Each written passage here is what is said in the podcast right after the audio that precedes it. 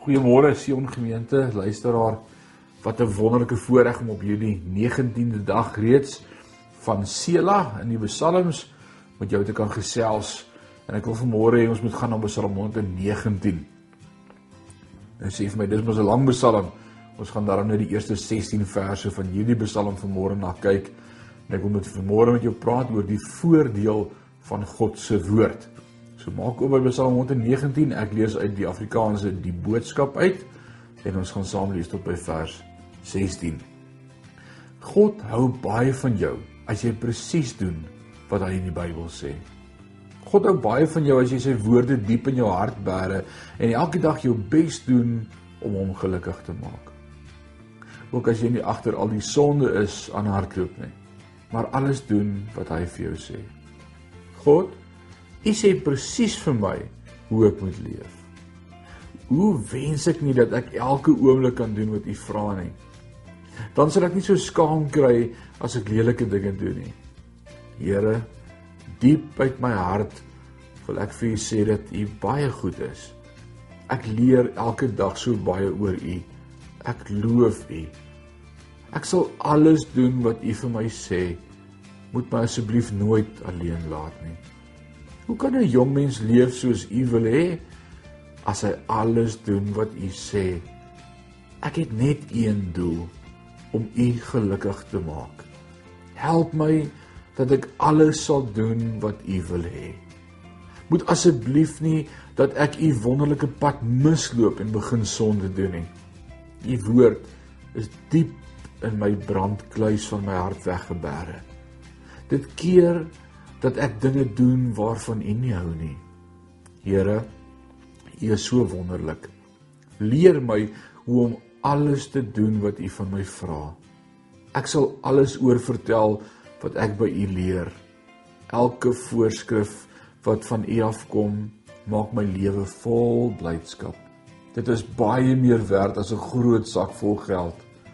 Ek sit ure aan mekaar en dink hoe ek U kan bly maak. U voorskrifte oor hoe ek moet leef maak my baie opgewonde. Ek sal nie 'n enkele woord daarvan vergeet nie. Wow. Die Bybel kan 'n oorweldigende boek wees as ons daarna kyk. 66 boeke geskryf oor duisende jare en dit alles in een boek saamgevat, die Bybel. Opgeteken in hom vind ons briewe, verhale, spreekwoorde, poesie, geslagsregisters en profeseë. Vir sommige van ons is die Bybel slegs verhale van mense wat lank gelede geleef het. Maar dit kan soveel meer wees as net dit as ons dit toelaat om te wees. As ons die Bybel sien as God se woord terwyl God met ons praat en sy wysheid en waarheid openbaar, verander dit die manier waarop ons die Bybel lees. In Hebreërs 4 vers 12 kom die Hebreërs skrywer en hy skryf en hy sê wat God sê is nie maar net dooie woorde nie. Nee, wat hy sê gebeur en daar is geen keer aan dit nie. Sy woorde is ook nie oppervlakkig nie. Soos 'n skerp mes diep kan sny, so sny dit wat God sê tot diep binne in jou. Ja, tot daar waar jy gedink het jy dinge kan wegsteek. Wat jy dink en hoe jy oor alles voel, kom alles onder die soeklig van wat God sê. Jy sal nie kan wegkom nie. Die benadering van die Bybel as lewend en aktief verander alles in my lewe. Die psalmis vra, hoe kan 'n jong man op die pad van reinheid bly? Maar hierdie vraag kan eintlik enige iets wees soos hoe kan ek my huwelik suiwer hou? of of hoe kan ek hoe kan ek lief bly vir 'n moeilike vriend of selfs vir 'n vyand bid? of hoe kan ek diegene rondom my bedien? Die antwoord bly presies dieselfde deur volgens u woord te lewe. Die lees en memorisering van die woord verander ons lewe. Dit vul ons harte met wysheid en wys ons hoe om in enige situasie te reageer. Dit leer ons wie ons as kinders van God is sodat ons die sonde en versoeking in ons lewens kan aflê. Soos God se woord ons vorm en verander, verdiep ons verhouding met hom meer en meer. Wanneer ons tyd in die woord spandeer, hoor ons dit van God self. Ervaring wat ons met meer vreugde en ontzag vul as wanneer ek maar net nog 'n gewone boek lees. God se woord is kragtig. Dit is wysheid en waarheid, lewend en aktief.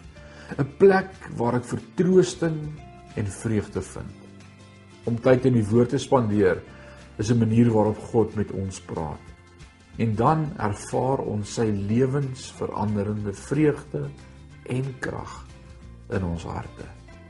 As ons vanmôre stil word en dink oor hierdie Psalm, dan wil ek vir jou vra vanmôre, hoeveel tyd spandeer jy in die woord en die nadink oor wat ons gelees het?